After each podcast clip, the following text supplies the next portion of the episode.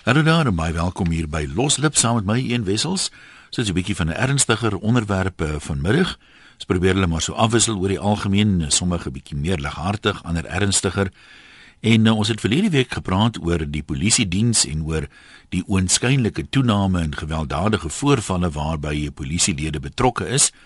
Gevra of daar 'n toename is teenoor jare gelede.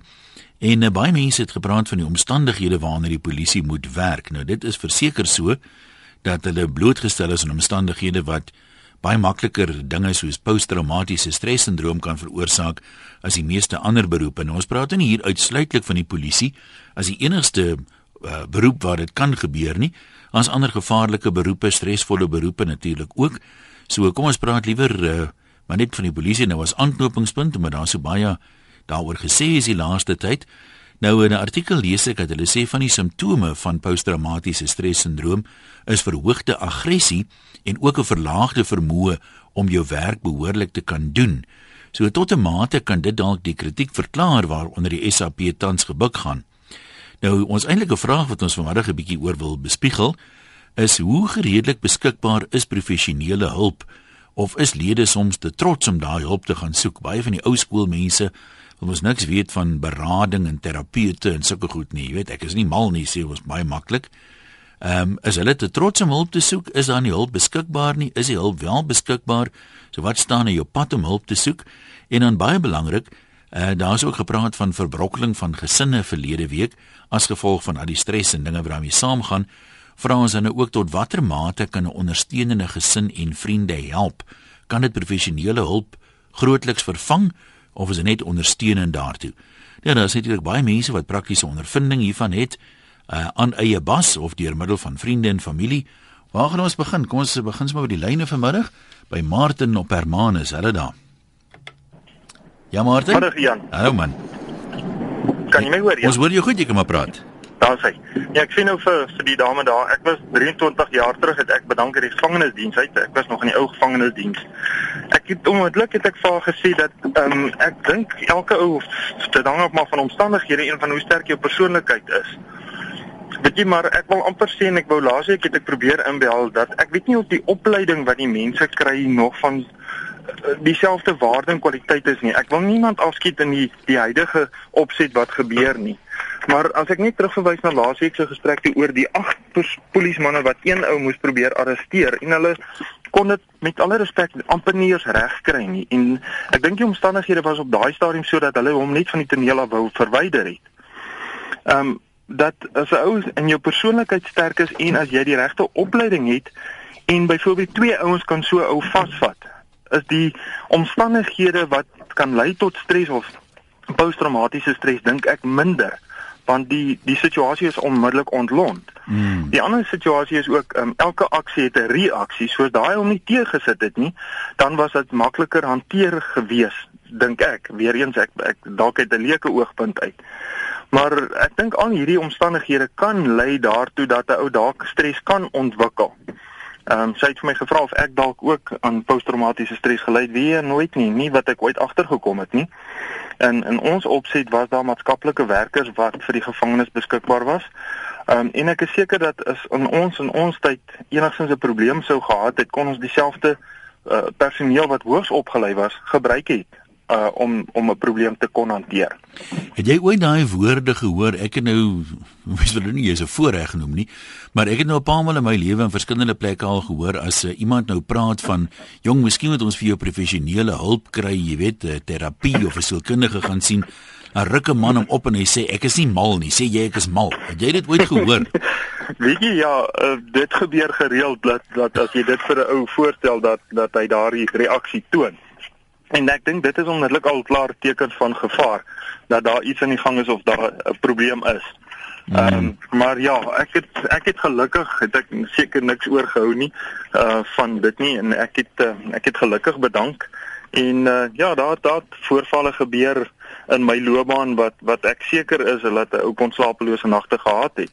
Maar ek dink dit gaan maar oor jou sterk persoonlikheid, hoe jou persoonlikheid is en dan dink ek regtig dat opleiding het 'n groot faktor daar te speel. Ja, maar goed, ons sê vir jou baie dankie Martin. Een visser sê ek is 'n oud polisieman en uit die boestaande opmerkings ehm um, lei hy af sê dat mense maklik kommentaar en raad gee. Dit is tog waar. Hier terloops baie mense wat nie eintlik simpatie het met uh, die polisie nie. Uh, ek sal dalk een of twee van hulle lees, maar soos ek reeds gesê het, neem dit nou maar ter harte. Ons praat nie uitsluitlik van 'n polisiemanne nie. Ehm um, dis nou maar net een van die uh, beroepe dink ek waar mense meer blootgestel is aan omstandighede. Maar een sê verder, ek kan tot vandag toe in detail elke moord, selfmoord en ander tipe dood beskryf wat ek as polisieman en speurder bygewoon het. Uh van dit was griesaam, byvoorbeeld 'n Moetie moord waar 'n 5-jarige seentjie se kop, hande, voete en geslagsdele verwyder was. Dit bly by jou en dit bly deel van jou geheue al het jy sielkundige berading gekry. Ek is al baie jare uit die polisie, maar gewelddadige optrede deur mense ontstel my steeds, dalk meer as die deursnee mens. Natuurlik is dit belangrik om 'n rustige en ondersteunende tuiste te hê waarna toe jy kan ontvlug as dit ware na werk en waar jy afgesluit is van dit wat ontstellend is of kan wees. Kom ons praat met Alta op Bethlehem, hallo Alta. Goeiedag, ja. Praat nou. Ja, ek voel net nie hierdie arme mense as jy net hulle punt insien, hulle word elke dag met dan 'n adrenalien uh gebombardeer. Mhm. Mm en dit is wat jou daai ehm um, in jou agterbrein ehm um, daardie oorlewingsding in vir jou inbring. En die probleem is die mense gaan nie vir berading nie. Wat staan wat staan er in hulle pad dink jy? Is dit hulle eie houding of is dit nie beskikbaar oral nie? Ek dink nie dit is beskikbaar oral nie en ek dink daar is 'n stigma dat Ja, praat. As mense het ontsettende stigma teen teen berading. Is hy radio van jou lekker af? Ja, hy is af. Okay, dankie. Kan jy my nou hoor? Ons hoor jou, jy kan maar praat. Ja, so ek dink um, ons Suid-Afrikaners is baie ehm um, ons staan ons ons gaan nie vinnig vir hulp nie, veral as dit sielkundige hulp is. Want daar's 'n stigma daaraan. Mm. En ehm um, ek dink ook hulle uh, miskien in die polisie is, jy weet, hulle is hulle die staf is nie genoeg partymal nie. As ook by die hospitale. Hulle het, en hulle is so oorwerk in elk geval dat hulle nie elk geval tyd het om dit te gaan doen nie. Daai stigma wat jy van praat, dink jy dis maar 'n algemene ding in Suid-Afrika of is dit meer so nog in beroepe waar jy nou sê, maar kyk, hierdie is nie 'n beroep vir sissies nie. Ou moet darm redelik taai wees om die beroep te doen. Ek dink oor die algemeen, ek gaan nou nie ek wil nou nie ehm um, hoe kan ek sê pro-feministies klink of so nie, ja. maar in die algemeen mans gaan vra baie van minder hulp as hulle probleme het as vrouens. En ek Ja. dink in daardie industrie waar daar maar waar dit jou manlikheid aantas is dit dalk jy weet nog erger. Nee, dit dit dit, dit maak eintlik heel op die oog afsin. Is dit wie wil sê wie nog iets byvoeg? Ja, ek wil net sê, uh, weet jy ons ons bly in 'n land waar lewe nie nie vreeslik baie ehm ehm waarde het nie. En uh, dit is hierdie waardesisteem wat dwars deur getrek word van bo na onder toe. En ehm um, en daar's ook nie veel simpatie. Uh, ek meen uh ja, daar is polisiemanne wat nie reg doen nie en wat korrup is, maar daar's ook polisiemanne wat wat hulle werk doen. Dit bly 'n moeilike werk, né? Ja, en uh, ek dink net ons moet dalk net ehm um, as ons dalk positief teenoor die mense is wat werklik hulle werk doen, dankbaar is as hulle jou help want ons ons is in daaglikse situasies waar ons mense soos hulle nodig het. Nee, ek sê vir jou baie dankie. Kom ons hoor wat sê meneer Engelbreg daar uit Oos-London uit. Middag sê. Goeiedag. Jy kan maar praat. Hallo. Hallo een. Ja, nee, goed. Uh ek wil net so 'n bietjie oor die algemeen praat. Uh wie die mens maak maar keuses, jy weet, in jou beroep, jy weet. Mhm. Mm En ehm um, soos byvoorbeeld verkeersbeamptes, brandweermanne en uh, die mense wat tronkbewaarders is. En natuurlik dan nog die polisiemanne wat jy in pertinent genoem het. Maar jy weet jy moet 'n keuse maak. Jy weet wat gaan met jou gebeur. Jy weet wat is jou werksomstandighede. Nou ons almal byvoorbeeld in die ou tyd het weermag toe gegaan. Daai manne, hoe die weermag toe gegaan het nie. En meeste van dit openlik erken. Ek wil in die, ek wil nie in die weermag afchop nie. Ek gaan liewer 'n polisieman of 'n verkeersman raak. Daai mense moet nie nou kom kla nie. Toe ons vir die weermag teruggekom het, het ons 'n berading gaan. Ons is mans genoeg daarvoor. Dit is nie 'n boeties, klein boeties wat wat wat hulle trots het om om, om vir berading te gaan nie, want jy weet as wat is reg vir jou. En ons het almal daarna toe teruggekom het by die weermag. Meeste van my vriende, ons het gaan studeer. Ons het ordentlike beroepe. Ek is professionele man vandag. As jy keuse maak, dan weet jy waarvoor jy gaan. En die gore en die vreeslike dinge wat hulle oorgaan, wat het ons in, in op die grens gehad. Ek was valsker Marion geweest. Ons het vreeslike dinge gehad om te sien. Ons is daardeur. En ek gou 'n ander vraag vra. Ek dink uh, wat jy sê maak baie sin, maar uh, een een onderskeid val my op en dit is dat ek nie die meeste ouens in die weermag as jy nou van dienspligtiges praat was vir 2 jaar maksimum daar. As 'n ou nou lankdurig vir 'n dekade of 2 blootgestel word aan al sulke situasies, kom ons sê nou maar soos 'n beroepssoldaat in 'n oorlogssituasie of dan nou soos mense wat al lank in die mag is of van hierdie beroepe beoefen, het dit nie 'n tipe van 'n 'n kumulatiewe effek nie dat jy weet dis daai laaste klein bietjie breek die kameel se rug, maar as die kameel nog redelik vars was, sou dit nie sy rug gebreek het nie. Verseker. Kyk, hoe langer jy in so 'n situasie wees, hoe meer gaan jy natuurlik aan sulke probleme blootgestel word. Maar dit is jou keuse. Ek bedoel, jy kon weer maar toe gaan in daai tyd en na 2 jaar dan dan daai jy meer daai probleem gehad nie. Mm. So as jy nou daar as jy vir 2 jaar nie wil geafchop nie en jy resuleer die polisie diens aan daai tipe toestand wat boos was, dan is jou saak. Kerel, jy moet nie kla nie. Jy moet nie gekla nie. Gaan oor keuses meen jy? Dit gaan oor keuses. Ek was 'n ek was nie weermag gewees in die beste daarvan gemaak. Ek was 'n offisier gewees en ek wou meer geld gehad. Ek het 'n valskerm uh, bataljon, toe gaan wat ek meer geld kon kry. Ek het iets daarvan gedoen. Hmm. Mense hardop nie vir goeders weg en dan huil jy na die tyd nie. Maar so hier na, jy weet, polismanne, jy kry goeie polismanne, jy kry sleg polismanne, maar die algemeen, hulle moet nie kla nie. Maar goed. Daar's mense wat byvoorbeeld ook in stresvolle beroepe is wat regtig swaar kry, byvoorbeeld in in, in deur affirmative action en daai tipe dinge. En en daai mense regtig waar, hulle gaan ook onder geweldige stres. En hulle is in professionele beroepe, maar hulle moet maar daar wees. Jy moet wag vir pensioen. Jy kan nie anders nie. Goed, dan sê vir jou dankie. Kom ons kyk wat skryf nog mense. Na my mening is dit grootliks 'n verskoning van die polisie en meer spesifiek van die minister se kant om 'n ander dieper liggende probleem te probeer verdoesel. Die eintlike probleem in die polisie vandag is dat daar eerstens te min lede in die hoë range is wat bereid is om verantwoordelikheid te aanvaar of dan hulle kan verantwoordelikheid aanvaar maar net oor minderwaardige take. Hierdie probleem word vererger deurdat daar mense in diens geneem word wat nie goed geskool is nie, wat glad nie weet hoe om mag te hanteer nie, wat weer verder vererger word deur die feit dat opleiding deesdae uiters swak is en dat die bietjie opleiding wat daar wel nog is, glad nie gesetel is op die vlak van men om mense tot hulp te wees nie. Probleme soos hierdie begin gewoonlik heel bo en word vererger wanneer 'n minister aangestel word wat geen polisie agtergrond het nie. Hierdie probleem het hulle in die apartheidsera begin toe ministers aangestel is sonder enige kennis van polisiewerk en om alles skielik in binne 'n jaar reg te stel is net nie moontlik nie. Dit gaan jare neem. Ongelukkig maak hierdie dinge die goeie polisiemanne wat daar wel is baie mismoedig sodat al meer van hulle bedank en verlore raak sonder dat daar enige stelsels in plek is om te verseker dat hulle deur ander goeie polisiemanne opgevolg word. Hef aan lê nog voorkant toe of wat praat ek alles? Ja, kyk hef aan lê maar altyd voorkant toe, né? Paul in die baai, jou beurt, hallo. Hallo. Jy kom maar gesels. Een. Oh, sorry. Ja, jy kom maar gesels, Paul, jy's deur. OK, jy kan uh ek is 16 jaar terug gelede in die polisie uit medies ongeskik verklaar. Mhm. Mm ek het 18 jaar speel loopbaan, ek word in doodslag gewerk. Nou hierdie 80 het ek 'n voorval bygewoon waar twee polisielede en 'n 'n bron met AK47 doodgeskiet was. Om en by so 70 tot 80 skote was op hulle geskiet. Daar laat ek ons het geweldsmisdade gewerk, politieke geweld. Kyk, dis ek Johannesburg toe. Daar ding politieke geweld gewerk, feit geweld, teksie geweld. Voorvalle gehad waar kinders doodgeskiet is met AK's, polisielede. Onskuldige mense. Mense wat verbrand is. Jy weet as jy by die, by die liggaam kom dan sien jy honderde dele van die mens geëet al. Al op een van my takke het 'n een van my lede gesit en die ander het direk voor haar gesit en homself nog so geskiet. Toe hulle die maatskaplike bel sê hulle jammer ons het vervoer die as jy voel jy wil help word om sien ons maar.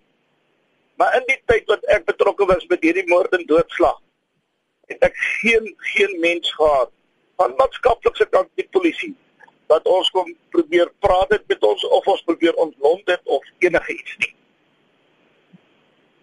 En jy reken as dit meer gereedelik beskikbaar was dan kon dit dalk 'n verskil gemaak het in die lewe van baie van die lede. Ek dink as dit op 'n gereelde basis plaasvind dat hulle op 'n gereelde basis ontlont word en mee gepraat word op op die op die beste moontlike maniere kan dinge beter gaan met die polisie want en tot vandag toe kan ek jou sê is daar nie hulp vir hulle in die polisie nie. Hulle sê daar is maatskaplike dienste, maar daar is nie hulp vir die polisie nie. Hulle weet nie hoe om dit te hanteer nie. Dis my beskeie mening. Nou maar goed, ons sê vir jou uh, dankie daarvoor. Kom ons kyk gou na nog uh, wat een of twee mense ehm uh, skryf spesifiek van die die geestelike kant af. Eugene sê hy is 'n afgetrede dominee en ons huisves 'n medies ongeskikte SAP lid in ons tuinwoonstel. Sy ly aan posttraumatiese stressindroom, depressie en sy is bipolêr.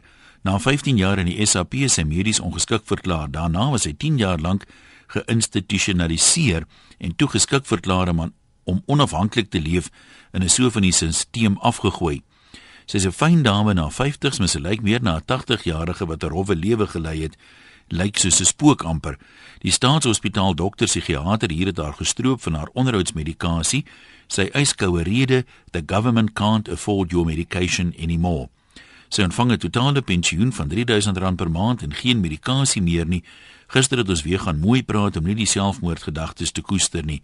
Môreoggend gaan my gade 5 uur met haar by die hospitaal wag in die hoop dat hulle 'n dokter kan kry wat na my vrou sal luister vanaf ongeveer die 20ste van die maand af leef sy maar uit ons koskas en sy beleef dit as baie vernederend.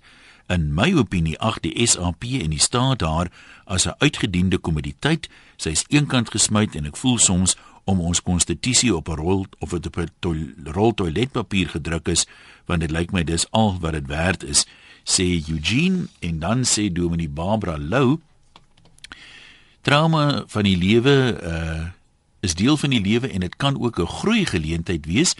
Deel van my navorsing was om 'n praktiese en effektiewe model te skryf om verkrachtingsslagoffers te help herstel.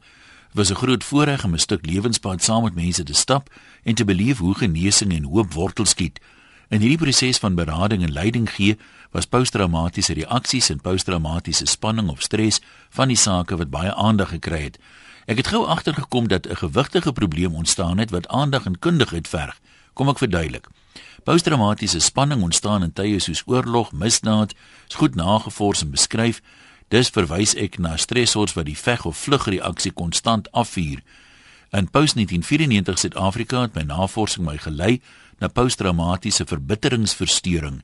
Die verskynsel word nie gekenmerk deur besonder spanningsvolle gebeurtenisse nie, maar die belewenis van onregverdigheid en die skending van jou basiese geloof. Die verbittering ontstaan as gevolg van sosiale, ekonomiese en kulturele veranderinge. Posttraumatiese verbittering is 'n in werklikheid in tye van sosiale verandering waar mense geforseer word om hulle lewens en lewensvooruitsigte te herorganiseer.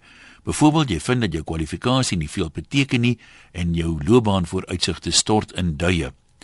Die sneller vir uh, PTSD is 'n uitsonderlike negatiewe lewensgebeurtenis soos konflik by die werk, werksverlies, egskeiding, ernstige siekte en die belewing van verlies. Ander mense mag na die situasie kyk en skouers optrek want dit is maar deel van vandag se lewe. Maar vir jou is dit egter 'n baie erge gebeurtenis wat veroorsaak dat jy jouself blameer, jy raak woedend, jy raak depressief, hopeloos, vol vrees en 'n somatiese siek gevoel. Onthou, uh posttraumatiese uh stres word gekenmerk deur magteloosheid, woede en verbittering. Uh daai verbitteringssindroom kan lei tot baie ernstige simptome en het 'n verlammende effek op amper elke faset van 'n mens se lewe. Dit kan lewensbedreigend wees as gevolg van fanatiese uh fantasieë oor selfmoorde en moord. Nee, ja, daar ehm uh, dink ek het ons genoeg gehoor om nie die erns daarvan te onderskat nie, maar die vraag bly, uh, is daar hulp? Uh, is die hulp te duur vir mense? Is daar ander redes hoekom hulle nie van die hulp gebruik maak nie of is dit dood eenvoudig nie beskikbaar nie? En uh, tot watter mate kan ondersteuning van vriende en familie en jou gesin uh, opmaak vir die afwesigheid van professionele hulp? Kom ons hoor wat sê ons mense verder op 0891104553. Jan, jy kan maar gesels. Jan, dankie vir die aanhou praat maar. Hallo, ja. Ja, so op jou foon hou. Ja. Ja, nee, ek hy loop dit op. Ja, een het 'n paar jaar gelede 'n program gemaak uh oor die manne op die grens en die voorkoms van posttraumatiese stres. En ja, onder die troepe was dit daar. Maar ek het het gewerk met die rekkies, die stresmagmanne. Hulle het die hoogste stres opgetel. En ek het amper geen voorkoms daarvan gekry by hulle nie. Wat my dit laat wonder het. Toe ek weer gaan kyk en vanuit vind die sielkundiges en die manne, net op een ding meer en dit is voorbereiding en opleiding daai manne word voorberei dat elke enige krisis nie 'n verrassing is nie dat dit garandeer hulle hulle ding doen en ander kan uitkom. Dink dis wat ons praat van mense nou moet uh, uh, na kyk. Maar as ons polisiemanne reg opgelei is, reg voorberei is, dan gaan ons hierdie probleem optel nie. Daai manne by Marikana was nie opgelei gewees om hierdie ding te hanteer nie. Dit is wat ons moet na kyk. So jy reken dit kan al voorkomend uh, wees in die sin van beter opleiding gaan al hierdie nodigheid vir hulp later verhoed of dan nou grootliks nie noodwendig in alle gevalle nie. Absoluut, ek weet die manne wat nou dit het, natuurlik hulle ook nodig. Maar ja. ek sê om dit te verhoed, ek hmm. sê weer die rekkies het dit nie gehad nie. En dan manne is dit agter die gevegslinies uh, staan. En almal het vir my, my gesê, man, niks kon my verras nie. Ek kon enige krisis hanteer. Dis wat vir my gewerk het. So ons moet die manne reg oplei. Ja, dit maak baie sin. Baie dankie hoor. Daniel sê ook dieselfde in 'n uh, kortliks opleiding skiet te kort sê hy. Ehm um, ek twyfel of die SAPD enigsins 'n proses het waar nabetragting of 'n debriefing session na voorvalle waar wapens betrokke was toepas. Tydens nabetragting sessies word spanning ontlont en potensiële gevalle uh wat hulpkort word geïdentifiseer. En as hier ook 'n paar mense wat sê ons moet daarom nou nie maak of al die ouens wat van die grens af teruggekom het ehm um, normale mense was wat goed aangepas het nie. Daar was maar 'n hele klomp van die ouens ook wat bossies was soos die mense dit noem ten spyte van baie ander dinge. Maar uh, dit maak uh, wat uh, ons ons inbelder net gesê dink ek kan 'n mens nie meer stry nie as jy voorberei is op 'n ding dan gaan jy dit verseker is minder stresvol ervaar. Brandon dan Springs, ons praat gou met jou voor ons nou wegbreek. Hallo. Ja, Ian. Ja. Jong, ja, ek het wat van my vrou is in die polisie. Uh sy is 'n polisiefotograaf. Mhm. Mm en ehm um, jong sy is op hom af met PTS. Uh November maand sy 'n kind afgeneem wat van 'n woonstel af geval het. Mhm. Mm en dit het daartoe baie geraak. Uh jy sien omdat ons op self kinders het, hulle ouderdom, maar ek self was ook 'n polisiefotograaf. En jong, ek stem nie regtig saam met die vorige inbeller nie want uh mense jy kan jouself daarvoor weet ehm um, wat moet dit voorberei, voorberei nie. Ehm um, want ja, sulke dinge weet jy dit is nie so pas om te gebeur nie, maar ja, ons het soos ek sê, ons het self, maar ek dink die groot probleem lê ook by die bestuur van die polisie. Ehm um, dis al die selfhoeders het dan nog nooit eens kom sien vanaf hy af het en dis al ja. van November maand af af. Die ander ding uh, natuurlik, ek meen jy kry altyd mense wat net meer kan kan vat om dit nou so te stel. Party mense is net sensitiewer en trek hulle dinge meer aan as ander en ek wonder of daar nie soms mense ook beland in beroepe waar hulle dalk nie heeltemal uitgeknip voor is nie. Ja, stem 100% jong, die ding is tyd ehm um, ja, kom al rukkie sê so sy sê wel twee keer gesê al maar eers keer gediagnoseer na broer se dood, haar broer het selfmoord gepleeg. En ehm um, toe het hulle gediagnoseer. Sy sal gevra om te stywe word van die ehm um, van die fotograaf af. Mm -hmm. En ehm um, ja, hulle het net pynweg weet net net geweier en toe seker so so so 'n paar maande voordat sy nou die toneel afgeneem het dat daar so erg geaffekteer het, het sy weer aangevra vir 'n verplasing na 'n training toe want sy kon dit nie hanteer nie. En hulle het dan net bly afkeer, jy sien, want hoekom wil hulle jou beste werkers nou wegstuur? Ehm um, dan dan ja. jy, jy sê van hy mense wat nooit uh, nie se verwerk nie. Tot en met selfs in die grond en gewerk het. Ehm um, ek het dieselfde ding ervaar, ek het toevallig toe ehm um, maar uit die polisie uit want daar was ook geen kans vir skuif gewees nie.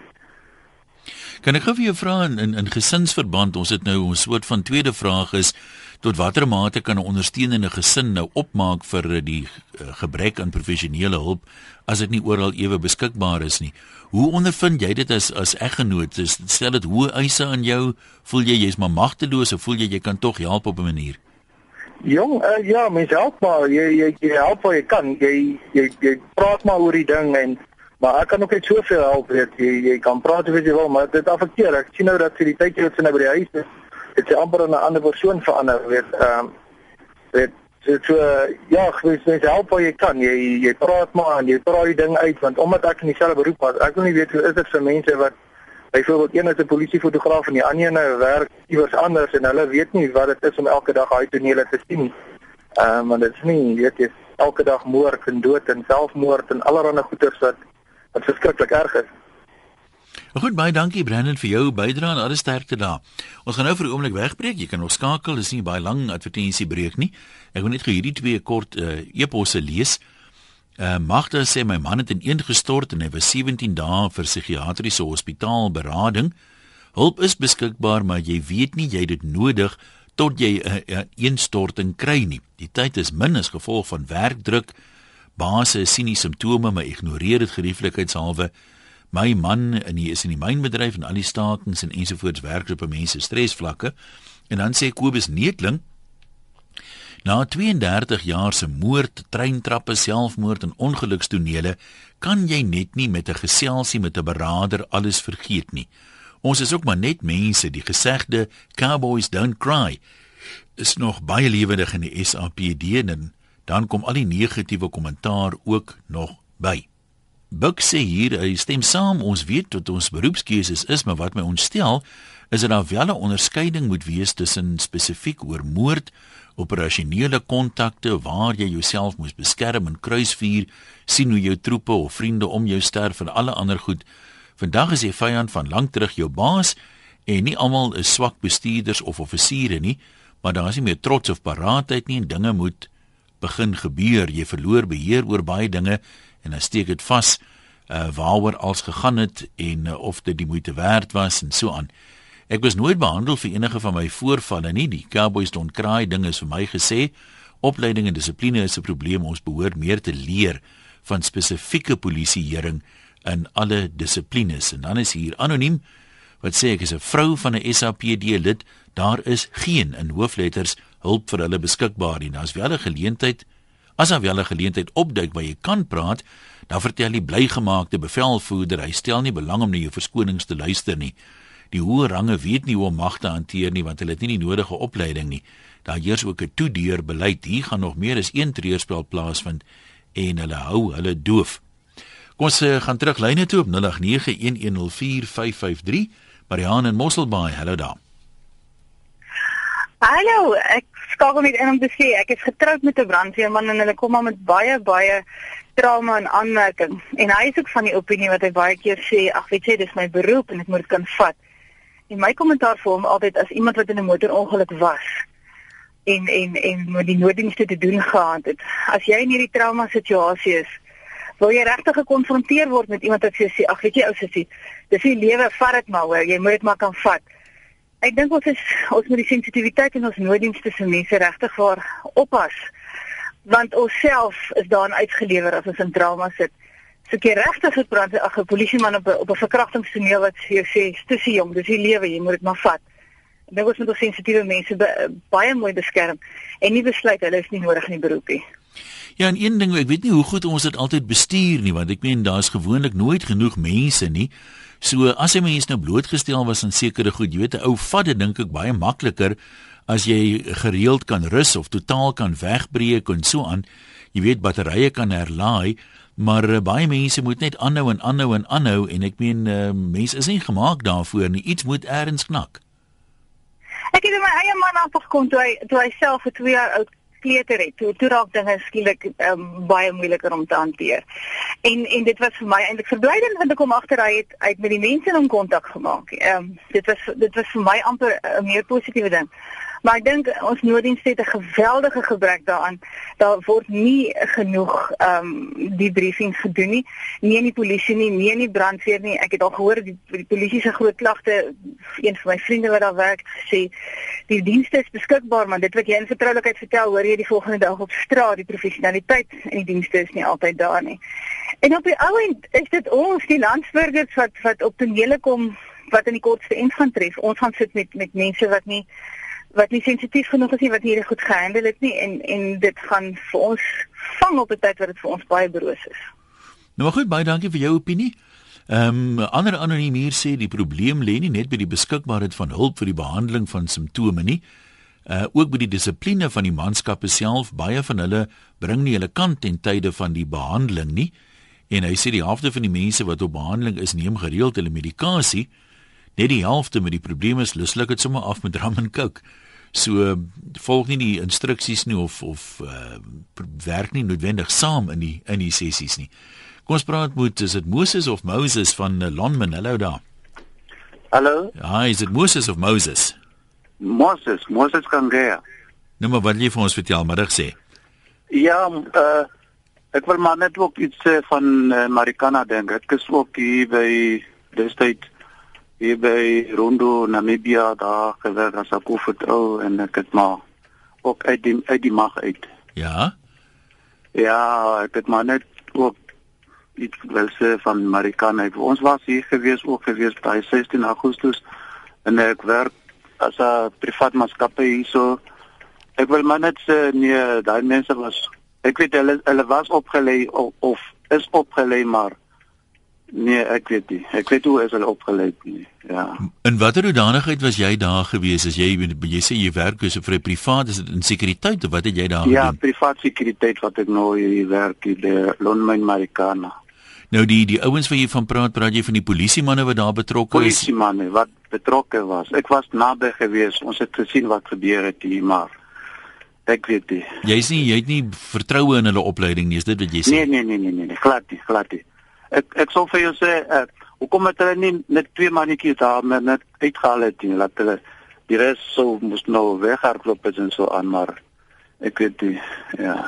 Moses maar baie dankie dat jy ook met ons gedeel het. Riaat van Piketberg jy is ons laaste man vandag. Hallo. Hallo goeiemôre Jy kan maar praat. Goeiemôre ja nou ek is ja van konstabel in die polisie diens Ja. En uh, die mense besef nie aldag waarmee ons te doen het nie. Ek het nog gehoor wat van die ander luisteraars gesê het. Alles so onsensitief aan elke situasie is anders. So uh daai kom soms keer die wat reg is om jou aan te rand of met jou doel te beklei en jy gaan nie met so gedagte daaraan toe nie, maar tog as jy ook voorberei vir elke situasie. So uh, ek kan nou net sê dat mense nie so onsensitief Hey tog. Daar glip 'n lyn. Kom ons lees gou vir oulaas nog uh, wat 'n paar mense sê vir ons uh, so ten slotte. Uh Dominee Jan Viljoen sê ek het na 25 jaar diens in die weermag waarvan die laaste 6 jaar as hospitaalkapelaan afgetree en gaan spesialiseer in traumaberading. In my opleiding het ek wonderlike redelike nuwe tegniek ontdek wat in die FSA ontwikkel is om oorlogsgetraumatiseerdes te ontlont. Dit staan bekend as TER of Traumatic Incident Reduction. Dis die mees effektiewe manier om binne 'n kort tydjie selfs ou sielswonde te genees. Daar's 'n aantal persone in Suid-Afrika wat daaraan opgelei is. Ek kan dit aanbeveel omdat dit aan my eie lyf voel werk het. uh, Traumatic Incident Reduction of 'n TER. Dan van die ander mense wat nou nie noodwendig betrokke is by hulp nie, maar op 'n ander vlak, maar hy het sê ek was 10 jaar 'n reservis in die SABD en ek is ook 10 jaar uit. My ma was my beste sielkundige beraader wat ek kon hê. Na elke skof het ek met haar gesels oor al die negatiewe dinge wat gebeur het van eh, selfmoorde tot moorde en verkrachtings en so aan. Dit was die beste ontlading wat ek kon doen. As ek vir die SAPD lede kan raad gee, dan is dit om te praat oor hulle ondervindings. Jy kan dit nie inhou nie en jou stresvlakke klim net as jy dit probeer net vir jouself hou. Marita sê 'n baie soortgelyke ding. Sy sê waar dit moontlik is met 'n mens eintlik vir iemand wees soos 'n 6 voet groot oor sonder 'n mond. Met ander woorde, jy moet luister, jy moenie praat nie. Laat hy net sy sware vrag daar by jou koppie tee bietjie neersit, amper soos wat jy 'n swaar inkopiesak na die ander hand toe verskuif. Ja, is nog 'n interessante manier daai om daarna te kyk. Uh, Renay sê uit eie ondervinding kan ek getuig dat lede van die SAP op 'n gereelde basis 'n deskundige moet spreek oor die moontlikheid van PTSS. Ek was 38 jaar getroud met 'n polisieman, 'n speurder en ek kan boekdele hieroor skryf. Jy as sy eggenoot moet altyd beskikbaar wees vir hom al is jy ook 'n werkende persoon met eie probleme. Hierdie man van my het die hoogste rang bereik in die SAP, SAP deur 'n vrou wat hom getrou bygestaan het deur vir hom 'n rustige tuiste te skep. Die kinders word groot met 'n afwesige vader. Geen oefening in watter vorm ook al is die oplossing hiervoor nie. My man het uh, onder andere nog rugby ook gespeel tussen sy besige program deur. Hulle word daagliks blootgestel aan die mees gruwelike omstandighede en sal dan ontvlug deur saam met sy mede-kollegas te gaan braai en te drink wat vir 'n tydelike verligting bied.